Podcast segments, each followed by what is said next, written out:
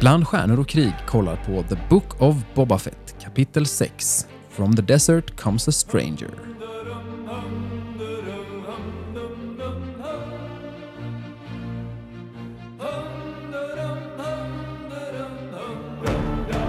Hette det va? Det hette det. Lite um, Dark Tower-vibbar där fick jag. Hej och välkomna till Bland stjärnor och krig, en podcast på svenska om allt som rör Star Wars med Tobbe och Chris. Och det är jag som är Chris. Och det är jag som är Tobbe. Hej hej! Hej! Ja, jag tycker titlarna har varit fantastiska. Eh, ja, men det har de verkligen varit. Absolut. Det finns, eh, finns mycket att gilla när det är det här... Eh, när det inte är det här of the... Det behöver inte vara så kort och det behöver inte vara så himla... Utan det, det kan vara lite sån här... Det, det, det finns något episkt i det här liksom. Eh, Kan det vara den bästa titeln? Vi får nästan ranka titlarna då sen så att vi kan ha något positivt att säga. Mest poetiska i alla fall. Mm. Tycker jag verkligen. Jag tycker den var cool. Ha, vad har du skrivit i dina anteckningar idag då? Nej men cool öppning skrev jag. Jag tänkte, på, på, jag tänkte inte på vår öppning då, för det, det är det ju säkerligen inte. Det är säkert en, en, en uncool öppning om något. Men jag tyckte, jag gillade, jag gillade den här starten. Men vi brukar ju egentligen gå, gå igenom vad vi tycker om, om avsnittet i helhet. Men egentligen likt förra avsnittet, det, det är väldigt svårt på ett sätt. Det finns mycket känslor och mycket att säga, så att det är väldigt svårt att summera det. Ja, men ska vi säga så här? För vi har ju pratat lite grann om det här innan vi satte på räck också och det kanske är värt att liksom poängtera det nu. För jag, menar, jag känner ju också att det är svårt som fan. Eh, eftersom vi pratar om Star Wars men vi pratar också om avsnitt i en tv-serie. Så det vi någonstans har kommit fram till, rätta mig om jag har fel, det är att vi kommer att prata mer om hur det här fungerar som en tv-serie, vad vi tycker om serien i stort i ett eget avsnitt efter att hela serien är avklarad. Så att vi idag kan fokusera mer på att prata om det här avsnittet, vad vi såg i det, vad vi tycker om det. Eh, för att, precis som du säger, det blir jävligt konflikterande liksom, att samtidigt prata om eh, Luke och Asoka och, och, och allt det där och, och, samtidigt försöka få in det liksom, hur det här passar in i en Book of Boba Fett tv-serie. Liksom. Det, eh, det är så otroligt mycket konflikterande känslor och jag känner att jag behöver hålla det isär. Liksom, så att, för jag, jag har så otroligt mycket eh, positiva saker att säga om det här avsnittet men de är svåra att eh, verkligen eh, ta sig an om man samtidigt ska prata om hur märkligt konstruerad den här tv-serien är. Och jag, jag, jag håller med dig och jag tror att det är väldigt... Det, det kommer samtidigt vara väldigt svårt för mig att hålla isär det där, men jag ska göra mitt bästa för, för att det ingår ju en hel del i, i vad jag tycker. Liksom att det, för mig är det svårt att, att skilja bort det där, men, men, men jag ska göra mitt absolut bästa, lovar jag dig, för vi har planerat det lite enligt den, enligt den premissen och så, och så ska vi se sen om vi kan göra någon form av eh, sammanfattnings avsnitt liksom lite längre fram. Men eh, om vi då ska liksom bara prata om det här avsnittet som sådant. Vad, vad tyckte du om avsnittet? Jo, men jag... Så här, förra veckan så sa jag att det var första gången som Star Wars TV kändes som Star Wars-film. Det var första gången som det kändes som att jag faktiskt kollar på en film. Eh, den här veckan var det första gången som det kändes som att jag tittar inte på någonting som utspela sig i Star Wars, utan jag tittar på Star Wars. Eh, och det tyckte jag var fascinerande. Jag var inte alls beredd på det. Alltså jag förstod ju någonstans med tanke på hur förra avsnittet tedde sig och vart det slutade någonstans. Och, och Mando sa att han skulle åka och hälsa på en liten vän och sådär. Så att jag, jag insåg ju någonstans att ja, men vi, vi kanske kommer att få Luke och, och Grogu och allt det där eh, redan nästa vecka. Men jag var inte beredd på att få så här mycket av det. Och, och liksom bara chocken av det. Eh, och hur mycket känslor ändå som var involverat i att se det här avsnittet. Jag, jag satt ju och var i absolut sjunde himlen under större delen av det här avsnittet. Jag tyckte det var eh, helt fantastiskt. Jag tycker tekniken bakom eh, Lukes realiserande var som natt och dag mot hur det var i Mandalorian säsong 2. Det här såg skitsnyggt ut. Det här fungerar och det här sätter en, en helt vansinnig precedens för hur de kan göra eh, going forward med Star Wars. De skulle kunna göra, alltså det, det skulle inte förvåna mig om Bob, Book of Boba Fett slutar på samma sätt som Mando säsong 2 slutade med eh, Luke will return in whatever, Jedi Academy-trilogin eller liksom någonting. För nu, nu kan de göra det här. Nu är det här helt plötsligt på bordet igen. Eh, sen kan man ha Jurassic Park-diskussionen om huruvida man borde bara för att man kan. Eh, men jag tycker att det är jättespännande att se vart det här egentligen kan sluta. Eh, som sagt, mycket känslor. Jag tycker också att det var väldigt kul med att se egentligen tre olika storylines i det här avsnittet. Och det, det säger någonting om hur bra det blir när man liksom shake things up a little bit. För att nu var det ändå Luke-grejen med Grogu och det var Mando i relation till det. Och så hoppar vi ändå tillbaka till Tatooine och liksom följer lite grann av hur det går i Boba-serien. Alltså i Boba-händelseutvecklingen där. Så jag, jag tycker det var skönt att få lite grann, även om det fokuserade väldigt mycket på först det ena och sen det andra och sen det tredje, så var det ändå skönt att få lite olika storylines. Eh, jag har känt att det har varit lite tradigt att vandra runt i öknen bara med, med Boba Fett. Eh, så att, överlag väldigt eh, positiv till det här avsnittet. Fantastiskt. Eh, kul att se. Jag tycker att, eh, ja, alltså som sagt nu då, då blir det den där problematiken hur man ska diskutera avsnittet. Jag, jag tycker nog att det, det var ett, ett bra avsnitt. Det fanns absolut saker jag gillade väldigt mycket. Jag tycker hela grejen med Cobb Vant var eh, det som eh, vann mig fullständigt. Jag tyckte hela den eh, in the desert, liksom, alltså from the desert comes a stranger-biten och med avslöjandet i det och allt det där liksom eh, var superbra. Jag, för att liksom inte gå in för djupt i det då eftersom att vi ska prata om det senare, så, men jag tycker ändå att det här kanske skulle skett i liksom så här, avsnitt två eller någonting, eller avsnitt ja. tre på sin höjd liksom i, i dramaturgin. Liksom. Eh, kan vara en rätt schysst avslutning. Om man ser det här som tre akter i, i liksom en, en säsong, liksom då, så ska det här vara liksom någon form av det avslutande delen i första akten för att det är då liksom allting ställs på sin spets och vi ökar liksom dramat och problematiken. Nu gör man det liksom när det är ett avsnitt kvar, vilket blir lite av ett magplask för mig. Så därför så är det så svårt att hålla isär det. Men för i avsnittet som sådant så tycker jag att de, det var sjukt välgjort liksom med hela Cobb Vant och, och Uh, Timothy Olyphant heter han, va? Vi, han, vi har mm. träffat han tidigare. Fantastisk liksom. Alltså, uh, äger ju den karaktären uh, fullo liksom. Och jag vill ju bara se mer. Så ja, att, uh, och hela, liksom, hela den staden och allt vad det innebär. Så jag, jag, tycker liksom att det är också lite en missed opportunity att man inte haft med mer av det och även då som sagt med, med den uh, slutklämmen som det var med Luke, jag håller med dig, rent visuellt alltså, så är det absolut en, en, en grav uppskalning. Eh, och man märker ju liksom att de tänker liksom att vi, vi kör på detta nu. Liksom. För visst, det kommer bara bli bättre och bättre och vi ser vart det här barkar hän. Och även om Mark Hamill har blivit eh, akkrediterad i detta så undrar jag hur mycket han faktiskt gjorde. Om jag har förstått det rätt så är det väl, jag vet inte om det var ett, liksom ett, ett, ett troll eller inte, men jag tror inte ens att det är han som säger dialogen, va? utan det är liksom någon form av liksom, i olika inspelningar och så vidare som liksom går igenom någon process liksom, på något sätt sådär, liksom, som man har ett databank på. Ja, det är ju no någon form av deepfake på rösten. En AI liksom. Ja. Som typ vet hur han pratar. Liksom. I Mando var det det. Den här gången verkar det som, de har inte tillkännagivit exakt hur det är gjort, men det verkar som att det är någon röstskådespelare som har gjort Luke i ett antal av tv-spelen som har kommit ut den senaste tiden som, eh, ja, som är en, en eh, lookalike eller soundalike då till Mark Hamill som har gjort en del. Så de har nog, de, det är nog en kombination gissar jag på vi får nog se lite mer av det när de släpper lite mer om det.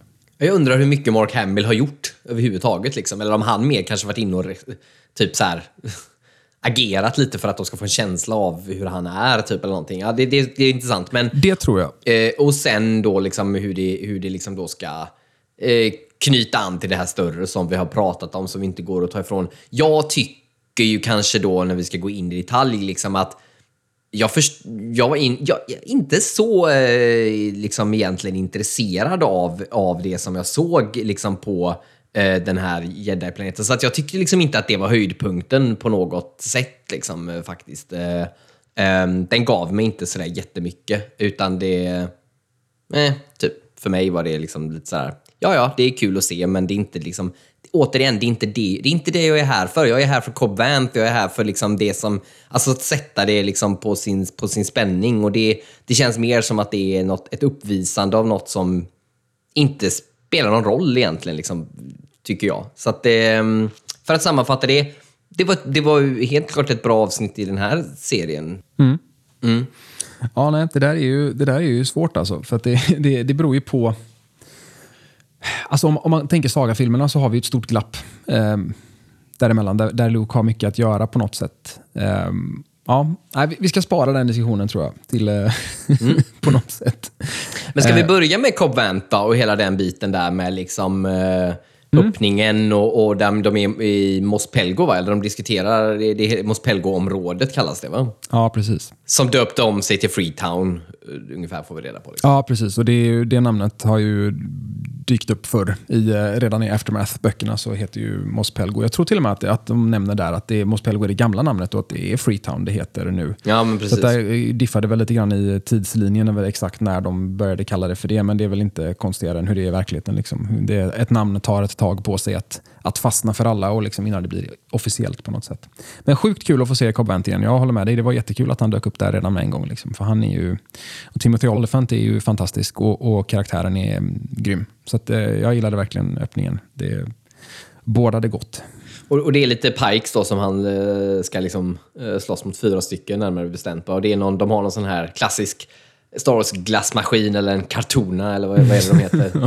ja, som, han, som han har Spicy då, får vi reda på. Och det, det, där måste jag ju då gå in igen och säga liksom att jag tycker liksom att det här med Spice jag har liksom inte riktigt känt att det har liksom hamrats in att det skulle vara världens grej. Liksom. Jag tycker liksom att det är så här också någonting som man då kunde ha gjort som någon form av liksom viktig eh, tillgång eller liksom så här commodity. Liksom. Alltså i, i, i, det, liksom, det känns som att de försöker jobba in det, men det kunde liksom också ha jag tror att man återigen kunde ha etablerat det mycket tidigare för att det blir liksom som att jaha, Spice är tydligen en viktig grej. Liksom.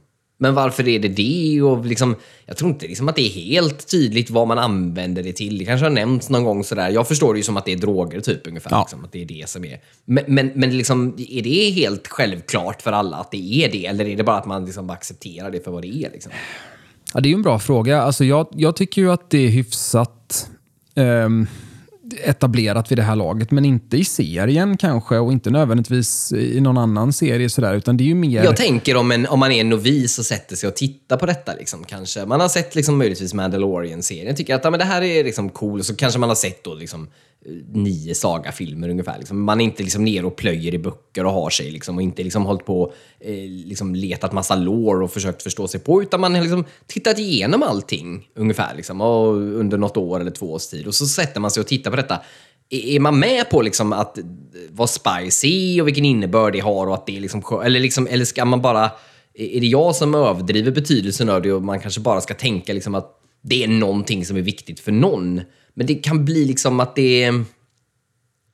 Jag, jag tänker att det också hade kunnat, liksom, att man hade kunnat lägga ner lite tid på sådana där grejer. Varför är det viktigt? Vad innebär det? Liksom, de pratar om lite det här då, The Streets of Mos Espa-avsnittet liksom. Och, ja, men du vet, vi, vi får ju typ inget vatten och det ena med det tredje. Alltså liksom att, då var ju vatten den tillgången. Liksom. Och, och så, det hade nästan varit så här som att, hade vatten varit tillgången de, de pratar om här, då hade man ju fått en reell liksom koppling till att det här faktiskt får en påverkan. Jag menar, vad, by, vad bryr de sig? Och det gör, gör han ju uppenbarligen inte heller. Men varför ska vi bry oss om de springer runt med lite knark där? Eller förstår du? Jag menar att liksom, det är inte heller inhamrat. Det är ungefär som att knark är dåligt.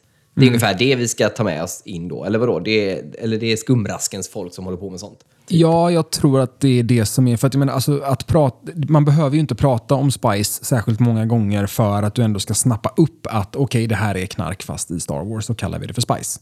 Det, det är ju liksom, det, man laddar ju ordet med väldigt mycket från våran värld. Men är det inte intressantare att använda till exempel något, liksom eh, eh, en vara då som vatten, som det känns som att de försökte börja prata om lite, som liksom är den som alla vill ha tillgång till. Och den som har tillgång till det är liksom herren på täppan. Det är den som styr allting. Det är den som är... Alltså det blir lite Mad Max över det hela. Det blir lite, vad vet jag, Palm Springs över det hela. Liksom. Det blir lite Chinatown. Det blir lite liksom Alltså det, det är liksom hela LA är ju uppbyggt kring detta fenomen egentligen. Liksom, och hela, liksom, alltså Kalifornien till viss del. Eh, liksom just vattenbrist och allting sånt där. Och jag, det, jag, tycker någonstans att, och jag menar herregud, stora delar av världen för den delen också, men jag tänker just för att det, det, det liksom görs i, i det området, det är därför jag tänker på det. Eh, är det inte liksom, inte, hade inte det haft en reell innebörd för människorna där och att vi då direkt kan empatisera och koppla in. Jag tycker att det är ett, också ett missed opportunity. Man slänger in någonting så här token som Spice och så tänker man att alla ska tänka typ Breaking Bad eller vad vet jag, liksom typ så Sopranos i det hela. Men jag tror att du hade kunnat göra något annat med det. Ja, jag, jag, tror inte man hade handlat med droger lika mycket som med vatten på en sån planet. Nej, jag tycker det är en jätteintressant tanke det du har, därför att då hade det ju också handlat om själva råvaran på något sätt. För att nu är det ju mera som att så här, vi pratar om spice, alltså vi pratar om knark därför att vi ska förstå att aha, det här är knarkligor, de är ganska farliga. Liksom. Och så ska vi då ladda eh, de här karaktärerna vi ser med en massa grejer istället för att serien ska bry sig om och presentera dem som farliga eller kriminella eller liksom allt vad det är för någonting. Vi lägger in våra egna värderingar i det, vad vi själva känner till. Liksom. Ja, precis. De, de, de förlitar sig på att vi ska göra det så att de slipper göra det jobbet. Och då blir det ju att det handlar mer om dem. Och det gör vi ju. Jag säger inte att man inte gör det. Jag fattar det. Okej, de är dåliga. Men jag bara tänker att det hade, det, skillnaden är mellan att förstå det och känna det. Och det är ofta det jag pratar om. Liksom. Ja. Att kan jag, jag kan förstå att de är dåliga, men jag kan ju verkligen känna Nej, fy helvete, de här jävlarna måste vi ju skjuta sönder för att annars får ju inte den här och den här och den här personen vatten. Alltså just det här att man liksom hela tiden kopplar an till det empatiska som är en gut reaction på det. Okej, det, var, det var verkligen inte ens någonting jag hade tänkt på från jag sa det här nu, utan det var verkligen bara en diskussion jag tänkte vi skulle det föra är- lite snabbt liksom, och det var något du hade reagerat på. Det är väldigt intressant för att jag, alltså överhuvudtaget, eftersom, eftersom så mycket av det här hotet då mot Boba Fett ska handla om just att Pikesen vill etablera sig för att, att smuggla spice. Alltså, grejen är den att med tanke på att vi, vi ändå rör oss i ett, ett universum där det är väldigt enkelt att åka från planet till planet och allt vad det är, så är det väldigt svårt att bygga in liksom, så att vi ska förstå varför behöver de åka runt ja, men med ett tåg i öknen på Tatooine för att skyffla spice från den ena liksom, sanddynen till den andra. Var, var, de, de har ju en hel galax att åka runt med den här skiten. Vad spelar Tatooine för roll? Nej, lite så. Och, och liksom just logistiken i det hela, för att de lägger så mycket vikt vid logistiken i det. Det är så här, de smugglar spice. Okej, de är farliga, men varför? Alltså så här, det är väldigt många varför. Mm. Det är väldigt mycket så här, okej, så vi ska bara säga, okej, men de är elaka då av någon anledning. Men varför gör de vad de gör? Det är återigen motivationer. Ja, Pikesen blir väldigt no-name och det kan ju hända att det finns en poäng med det och det har vi också diskuterat liksom längre fram som blir mer uppenbart. Men jag tycker liksom att man hade kunnat göra dem som ett... Jag tycker det hade varit intressantare att göra dem som ett... att vi, vi får reda på mycket av dem. Vi tror att de är det riktiga hotet. Vi tror att det är det. Vi investerar oss i det och sen bara är det typ en mer eller mindre en red herring som bara att nej, nej, nej, det var egentligen det här som är... Det är ju mycket mer intressant än att man bara så här att Dave Filoni och John Favreau vet att det är ju inte det riktiga hotet så vi ska inte spendera så mycket tid med att alla måste förstå vad Spice är och vad Pikes är utan det är egentligen bara en McGuffin för att få den här storyn att evolvera. Men hela grejen med McGuffin är ju att man faktiskt tror att, alltså man, förstår du? Du fattar ju att McGuffinen är det viktiga, eller du tror det, tills det visar sig att nej, det var ju egentligen det här som var det viktiga. Liksom. Men att du är ju så investerad i mcGuffinen att du glömmer av det hela tiden. Liksom. Alltså, för det är det som driver handlingen framåt. Jag tycker någonstans inte riktigt att det gör det. Så jag tycker att det är lite att man hade kunnat antingen lägga mer tyngdpunkt på det, förklara det, eller liksom så tror jag att man hade kunnat vända det till till exempel till vatten eller någonting. Jag, jag tror återigen, det är sådana här grejer som gör att du in, att det, den inte landar lika starkt i mig, serien. Liksom. Att den till synes liksom har saker, men det handlar inte om vad jag ser nu, utan det handlar om kommer jag gå runt och tänka på vilken eh, betydelse den hade om ett halvår eller om ett år. Kommer jag, alltså förstår du, kommer jag liksom, eh, när jag tänker på vattenbrist, kommer jag kunna relatera till den här? Eller när jag tänker på typ knarkhandel, kommer jag tänka på den? Det gör jag ju inte. Vad tänker jag på? Jag tänker på cool öppning med Timothy Olyphant, ungefär. Och det blir lite svagt för mig. Jag tror man hade kunnat göra något mer också. Alltså du kan göra båda. Och det är det jag kritiserar. Alltså det måste inte vara det ena eller det andra, utan de bästa serierna eller filmerna är båda. All right. Ska vi gå vidare från det där? Eller för nu land... Förlåt att jag bara fastnade i den. eh, Ja, nej, men det finns mycket att, säga där såklart. Men eh, vi, kan väl, eh, vi kan väl ta och hoppa direkt Jag tänker till... att du har ännu mer att säga om myrrobotar. jag har mycket att säga om robotar. Eh, Ja, jag tänker på... säga att jag ville ge dig den plattformen. Ja. Vill vi, eh, vill vi avsluta på Cobb Vanth sen eftersom det sista som händer i avsnittet då är den här standoffen i öknen eller vill vi eh, hoppa dit med en gång så att vi har städat av Cobb Vanth innan vi åker till eh, Luke? Det är väl en bra idé. Vi hoppar dit med en gång så, bör, så, så kör vi klart slutet liksom och, och hela den biten och sen... Vad, vad tänkte du då? Det är egentligen bara den scenen där han kommer in från öknen och det är ju Cad Bane som kommer in. Det är Cad Bane. Och eh, det tyckte jag ändå att man tog ganska tidigt, är liksom långt innan the reveal. Oh ja. Men om man har sett andra saker tidigare. Och det är klart att har man inte sett det tidigare, Då har man ingen aning om vem fan han är. då förstår man ingenting. Men, men jag tycker ändå, det, det jag skulle vilja säga med det är att jag tror att det hade funkat bättre återigen om det här kom tidigare då. Därför att då blir det, du, du ser ju inte Cad Bane i den scenen i avsnitt två exempelvis på det sättet och tänker han ser schysst ut, det är nog ingen fara för Bobba liksom. Utan du tänker ju genast, han är ett hot, för du, bara i hur han är porträtterad. Alltså det blir ju ett hot. Så även om du aldrig har sett någon tidigare story så tror jag ändå att man förstår att han är ett hot, han säger till liksom leave us alone eller liksom så kommer ingenting hända. D det tycker jag ändå är, det räcker. Du behöver inte egentligen ha värsta backstoryn för det, utan det funkar för mig. Jag tycker bara att det hämnar för sent, men det är ju en jävligt cool scen. Alltså mm. det är jävligt kul att se detta i Star Wars. Det är ju en riktig jävla västernscen. Uh, och jag, jag tyckte det var riktigt, jag älskade det. De spelar väldigt mycket på western-grejer. Det gjorde de i Mando också, både säsong 1 och 2 där och, och, har gjort lite grann i Bobba. Men nu är det... Och jag börjar känna att jag, det är det jag gillar, det är det jag är här för, tänker jag. Jag vet inte varför, men det mm. tydligen. Nej, jag tycker det, alltså, det är, även i i solofilmen har de ju en sån riktig standoff i öknen. Liksom, två stycken herrar med liksom, vapnet, eller handen mot vapnet i hölstret liksom, och vem drar först. Alltså, det, det är bokstavligt talat western. Men ja, ja, jag håller nog ändå med dig. Liksom. Alltså, jag tycker att det är, det är öppet för Star Wars att få lov att ta det. När det är western och när det är samurajgrejer, liksom, det, det, det har de eh, förtjänat sig rätten att göra. För det är så Star Wars ska berättas på något sätt. Eh, sen tycker jag väl att Alltså jag tycker också att scenen är jäkligt cool. Uh, jag hoppas verkligen att Cobb Vanth överlever. Jag har fan ingen aning riktigt. Det var svårtolkat liksom, om han gjorde det eller inte, men jag gissar väl på att han inte är död. Ja. Va? Ja. Tror du han är död?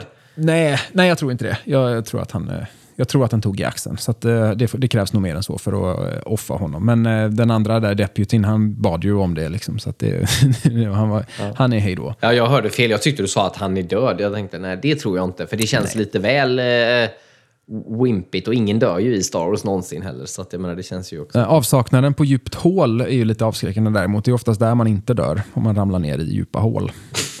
det har vi konstaterat förr. Ja, det är sant. Ju djupare hål, ju mindre sannolikt är det. Ja. Men är det, alltså, för jag kommer att prata en del när vi går över till, till eh, Luke och, och Asoka och så, så kommer jag att prata en, en, del om hur jag tycker att det här distinkt inte är fanservice. Jag tycker att det är gjort på ett väldigt fingertoppskänsligt sätt. Men däremot... Menar du Cad Bane nu? Eller? Nej, jag, jag, jag kommer ja. att prata om det när det gäller Luke och, och Arthur och Asoka. Mm. Men däremot just Cad Bane-scenen. Är det någonting i det här avsnittet som jag kanske tycker är lite väl mycket fanservice så är det Cad Bane.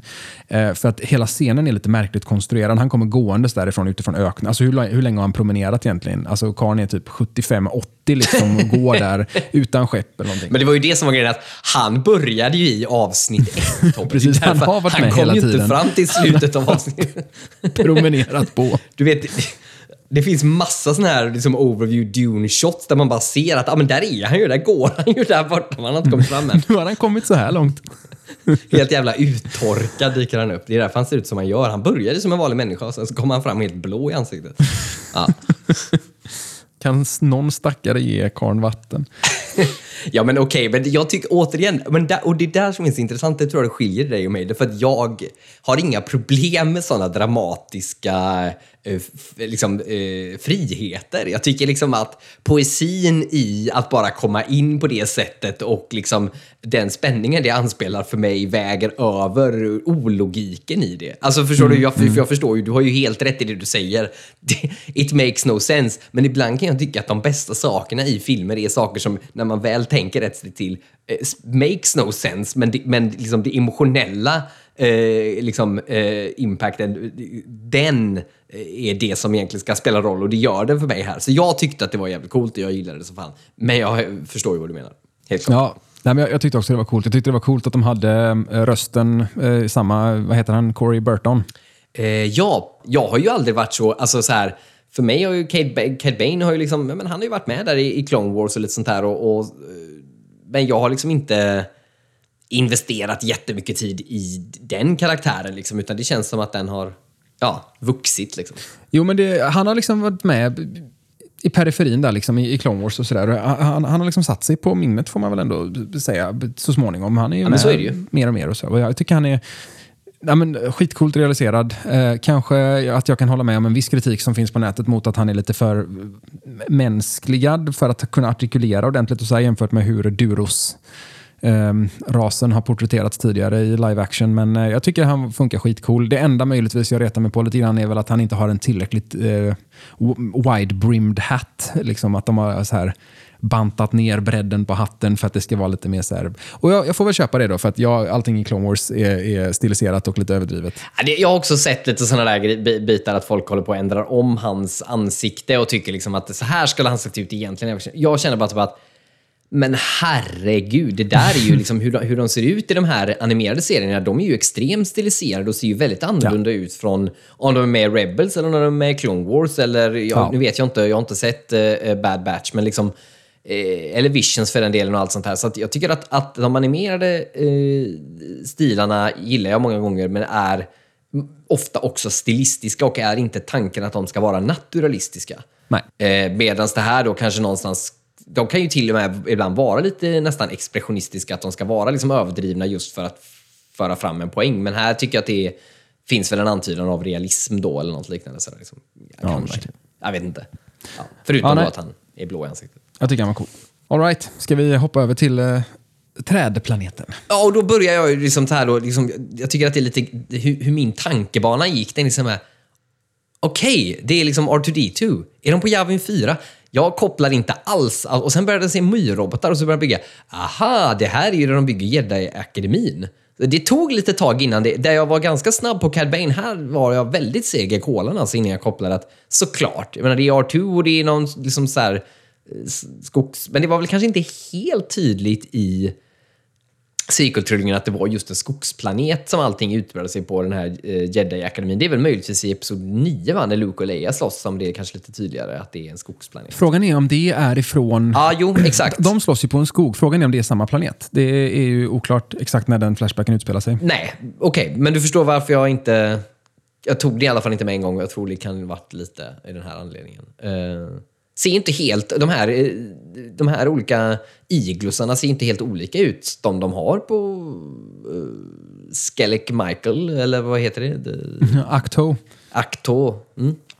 Nej, det känns ju nästan som att, att det är någon form av meningen. Så frågan är ju om Luke har redan vid det här laget varit där då och sett det, hur det ser ut där och sen tagit sig därifrån igen. Eller Och, om man har hittat någon blueprint i någon, någon sån här bok någonstans. Och tänkt Någon att gammal så här ska man bygga. ja, nej, men, ja, absolut. Det kan han ha gjort. Det är ju det är ju någonting jedi-aktigt i det där, helt klart. Nej, men jag tror, jag, alltså, de har ju skövlat mycket mer skog eh, när sequel-trilogin, eller flashbacksen i sequel-trilogin, när vi får se dem så är det ju gräs runt omkring. Men kullen är ganska samma, byggnaden ser samma ut, bergen i bakgrunden ser ganska samma ut. Så att, eh, det, det är nog definitivt menat att det här är, det är där vi är nu. Och det är, ja, men det är coolt. Jag, jag tyckte det var, alltså, inflygningen, eh, skitcool med de här kullarna. Liksom, som, det här landskapet var väldigt, alltså, en snygg blandning mellan någonting bekant och ändå någonting distinkt nytt och annorlunda. Eh, cool, eh, coolt landskap på den här planeten. Eh, och cool skog överhuvudtaget. Sådär. Alltså jag, jag gillar hur man, hur man lyckas skruva till någonting vi är bekanta med, fast ändå får det att kännas lite, lite fantastiskt och lite utomjordiskt. Liksom. Eh, så jävligt cool eh, miljö överhuvudtaget. Eh, älskade att, att det första man får se från planeten sen är R2s lilla antenn. För det, ja, det tog jag ändå med en gång. Att så här, det där, den där antennen känner jag igen. Och Det är så härligt och det, det är så Dave Filoni på något sätt. Alltså han, han har en sån otrolig fingertoppskänsla för hur de här karaktärerna ska behandlas. Alltså bara det faktum att jag själv inte ens har tänkt tanken R2D2. Utan jag tänkte Grogu och så tänkte jag, okej, kommer vi få se Luke då också? Medan Dave Filoni tänker steget längre att så här, nej men R2 är med. För att det är, det är alltid R2. Liksom. De är ju ändå... Ja, men lite så är det ju. Man, men man måste börja med R2. Liksom. Eller, jag, jag, jag förstår vad du menar. Det, du har helt rätt. Det är oftast så också. Och det är väl lite så han har blivit behandlad å andra sidan det senaste. Är det inte lite så att han är mer som en välkomstproxy ungefär och sen bara... Nej, för han är ju inte med någon mer. Alltså liksom, han har ju inte varit med i varken sequel-trilogin eller... Han, han, han har ju extremt lite att göra och jag vet inte riktigt vad det beror på att han är så åsidosatt, R2. Alltså en extremt åsidosatt karaktär. BB-8.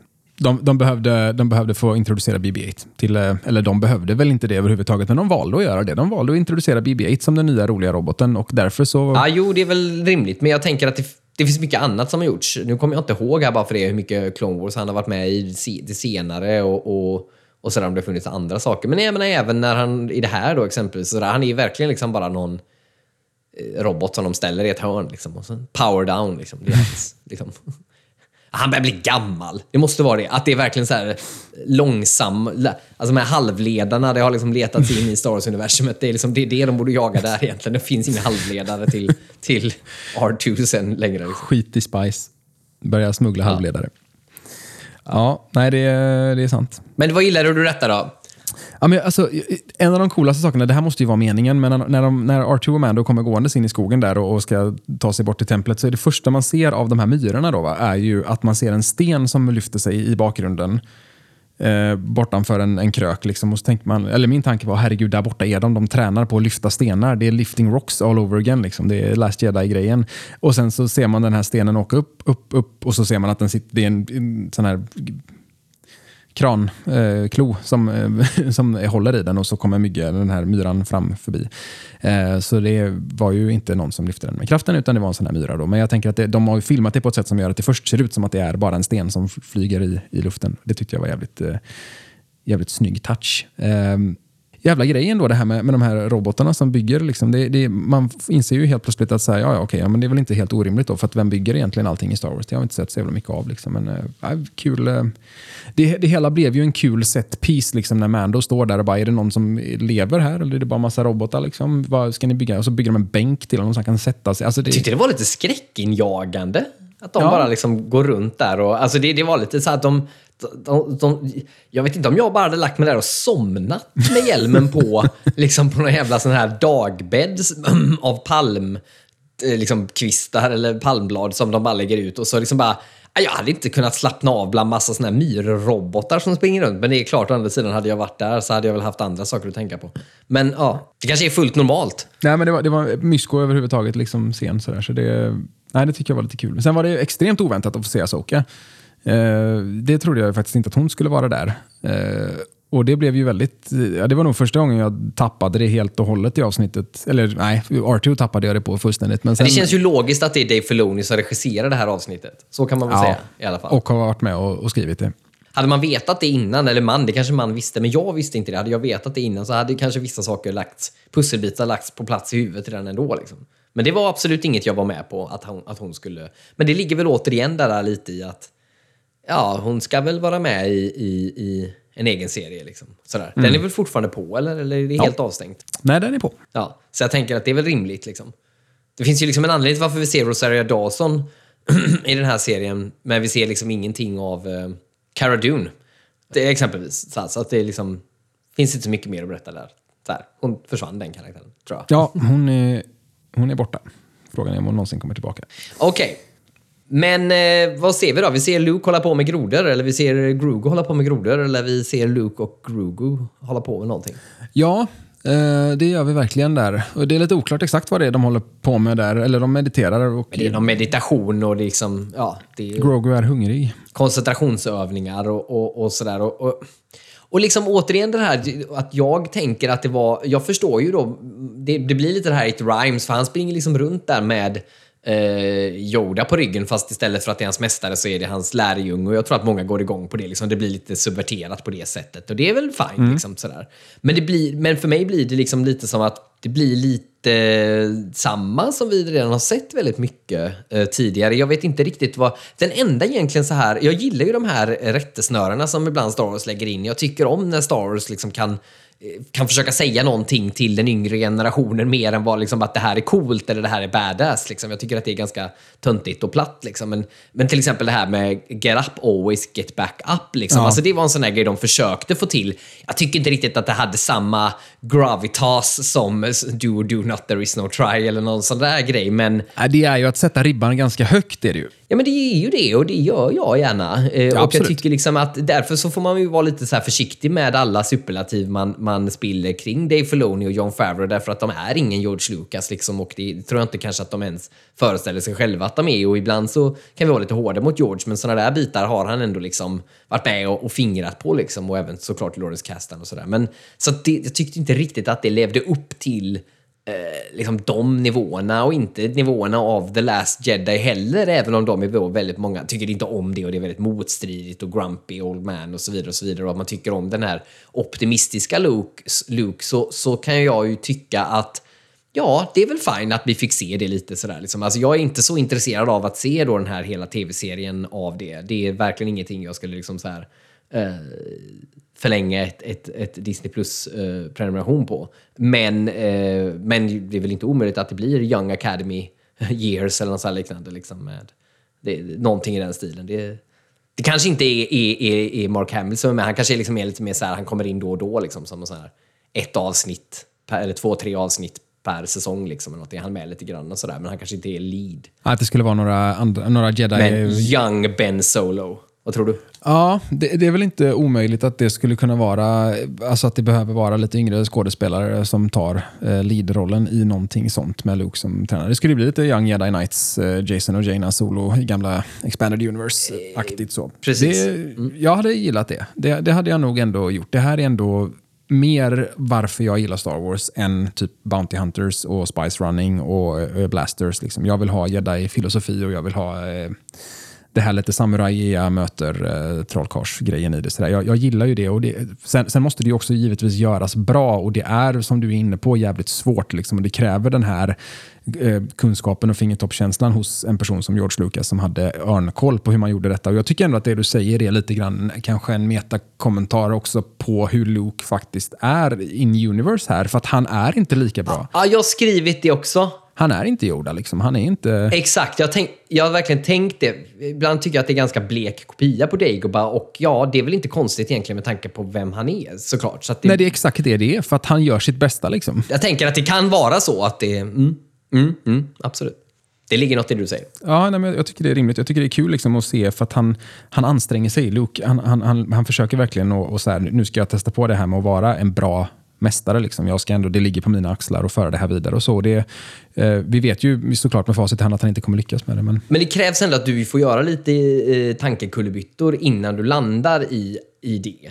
Eh, och därför så kan jag känna liksom att eh, det kan hända att det är så det är tänkt och jag kan förstå att är du extremt insatt och sådär så ja, då kan du se det. Eh, men blir det liksom blir det, blir det en jättemycket mer intressant karaktär på grund av det då? Blir Luke intressantare karaktär? Eller, vi vet ju redan det att han har misslyckats. Att han kanske inte, alltså liksom lite sådär, det blir lite Kenobi all over again. Liksom, typ sådär. Så att jag tänker att den resan har vi redan sett också. Så jag vet inte om det nödvändigtvis är bra bara för att det är det som är meningen. Men jag förstår vad du menar, att det kan ju vara... Eh, ja. Ja, nej, alltså det är väl också ett, ett problem att vi får se så lite ändå som vi får se nu är ju att, så här, för det här är ju givetvis potentiellt sett i alla fall början på någonting mycket mer som kommer att berätta någonting om kanske varför det gick åt helvete och, och, och varför det är intressant att titta på. Liksom. Så att det, det är svårt att döma hela den eh, arken ut efter vad vi ser i det här avsnittet på något sätt. Men jag, jag tycker ändå att man, man ser eh, delar av det. Sen är det svårt för mig att sätta mig utanför det perspektivet jag har av att så här, jag har tänkt på det väldigt mycket och jag, jag kan all annan liksom, Star Wars och vart det är på väg och vart det kommer ifrån och så vidare. Så det, ja, det är lite svårt. Men vad, ehm, ska vi gå vidare där och kolla lite grann på det? Han, han börjar prata med, med Grogu om, om Yoda och liksom så här, försöker fiska lite grann nästan efter så här, ja, jag kände en som såg ut som dig och liksom, finns det fler kanske? Var kommer du ifrån? och så där. ja, just det. Ja. Eh, och jag trodde ju alltså när han la handen på, på Grogus huvud och var så här, kan vi försöka minnas? Jag tänkte, är de, är de helt galna? Ska vi få se Yodas jävla hemplanet nu? Liksom? Nu är det grodor överallt, tänkte jag. Men det var ju en scenen tidigare. Men så tänkte jag med att det... Ja, ja. Eh, så där var ju liksom Det bara- kändes verkligen- så. Det tror jag inte. Ja. Ja, jag blev riktigt, riktigt nervös där. Jag visste inte riktigt hur jag skulle tackla det. Men så får vi se Order 66-flashbacken istället, vilket ju var... Ja, jag, jag gillade det. Jag, jag, det, är ögon, det är enbart ögongodis på något sätt, men jag, jag tar gärna det godiset och bara stoppar in. Tack hemskt så mycket. Tack. Mm. Det var jättehärligt att få se. Men jag, jag har inga problem med ögongodis heller, liksom, utan det ibland kan bara bli mängden av det. Jag, jag håller helt med. Jag gillar när man, när man kopplar in det till annat, men det ska inte vara i, i framkant. Och det, inte ska vara, inte, det ska inte vara det mest intressanta i det du ser, utan det ska vara just eh, desserten till liksom, måltiden. Och ibland kan det liksom bli som att man försöker tänka att det ska vara måltiden, den där korta scenen. Vi fick i alla fall se det där och det var coolt. Och det kan inte jag tycka riktigt. Men, men absolut, jag har inga problem med det. Det känns ju snarare logiskt att vi börjar koppla in det. Var kommer han ifrån? Liksom, ja, men han är ju liksom från eh, Jedi-orden här och han var ju fortfarande liten då. Liksom, och nu är han fortfarande liten. Han växer jävligt långsamt och det känns ju också makes sense. Liksom, och, och, och hela den här biten. Så att, eh, och det har vi varit inne på tidigare, det här liksom åldersliknelsen med Anakin och, och liksom lite sådär. Liksom, att, Ja, det. det. Om det kan finnas någon innebörd och, innebörd och, och sådär. Liksom, typ. Vi är jämngamla. Men ehm, mm, lite eh, training remote, hoppa runt där. Eh, lite kul att se såklart. Ja, men jag tycker det är kul. Jag tycker man, man ändå, alltså, det, det är väl det jag, jag gillar som känns nytt också. De hinner ta sig tiden. Liksom. Att så här, I en film är det en annan sak. Där är det verkligen, vi måste bara hoppa från det viktigaste till det viktigaste och varje scen måste liksom ta, om man tänker på, på Dagobah med Yoda och Luke, liksom, att det, det är de stora viktiga bitarna vi får. Men här kan man ta sig tiden, vilket man egentligen inte borde då, men det är en annan diskussion för att det här är Boba Fetts jävla serie. Liksom. Men i det här avsnittet så kan man ändå ta sig tiden att så här, ja, men testa att hoppa en gång. Och så tränar vi lite på det. Och så ser vi hur det går med det.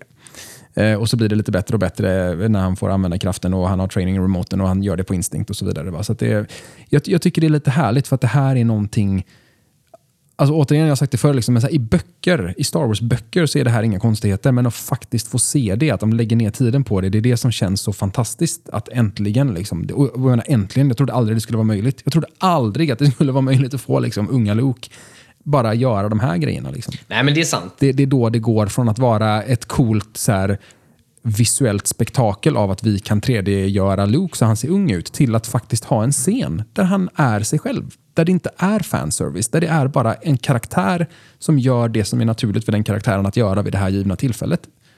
Det, det är det jag verkligen, ja jag tycker det var eh, fantastiskt. Kul. Och sen är det väl egentligen ett val han har att göra där, eh, om inte du hade något mer. Eh, det är väl det här valet mellan en lightsaber och den här presenten som han lämnar över. Eh, Som visar sig vara en ringbrynja. som visar sig vara en ringbrynja, precis gjort av Beskar.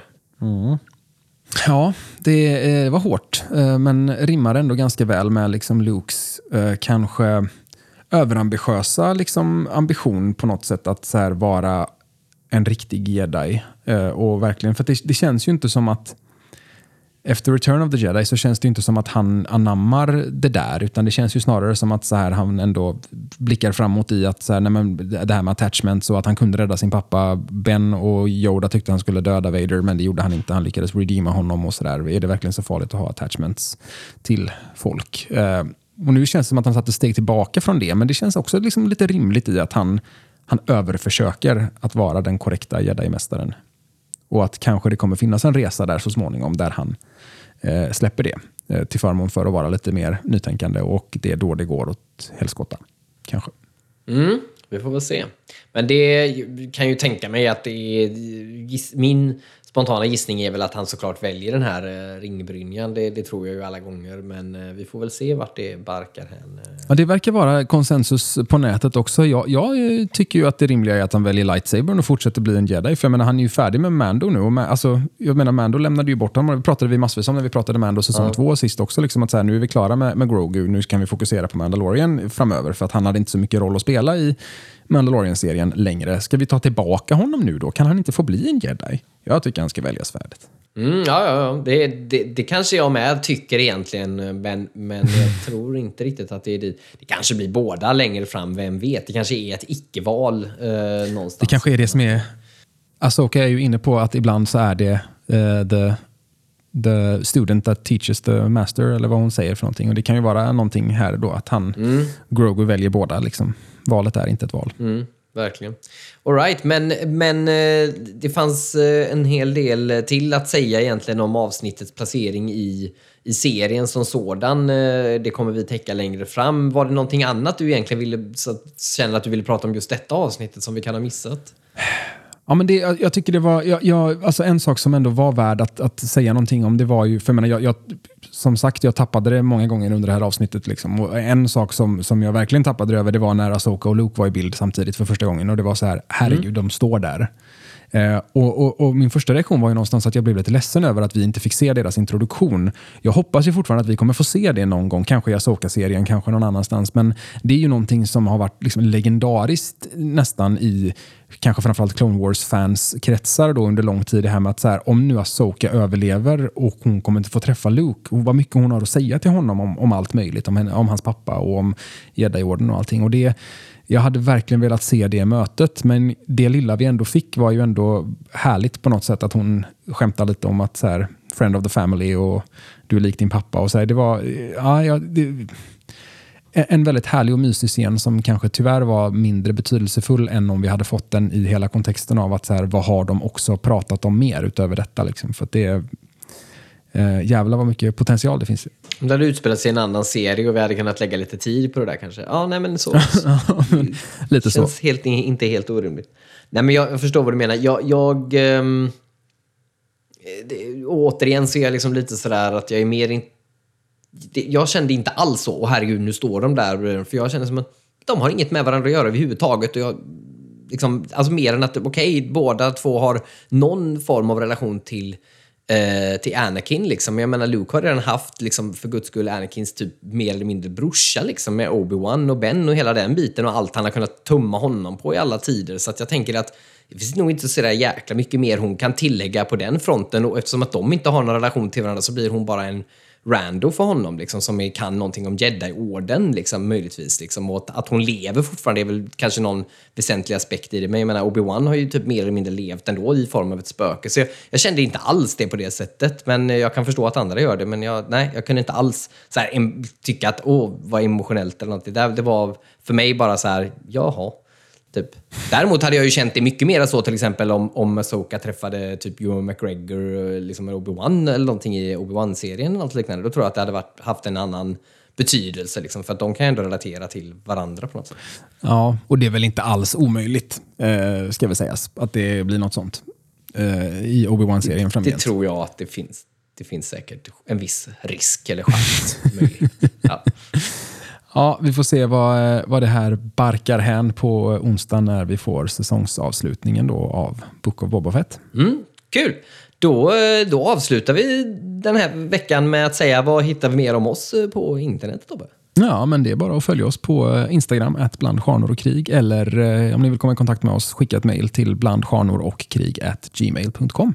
Gött! Då säger vi så och ha det gött så länge. Syns nästa vecka eller denna veckan eller när det nu blir. Vi syns efter nästa avsnitt helt enkelt. Det gör vi. Då tar vi det och pratar om det och sen pratar vi om hela serien framgent. Men det tar vi nästa gång. Tack för den här gången Chris. Aha, ta det lugnt. Tack för att du har lyssnat. Ha det gött. Tack så mycket. Hej. Hej. Små grodorna, små grodorna är lustiga att se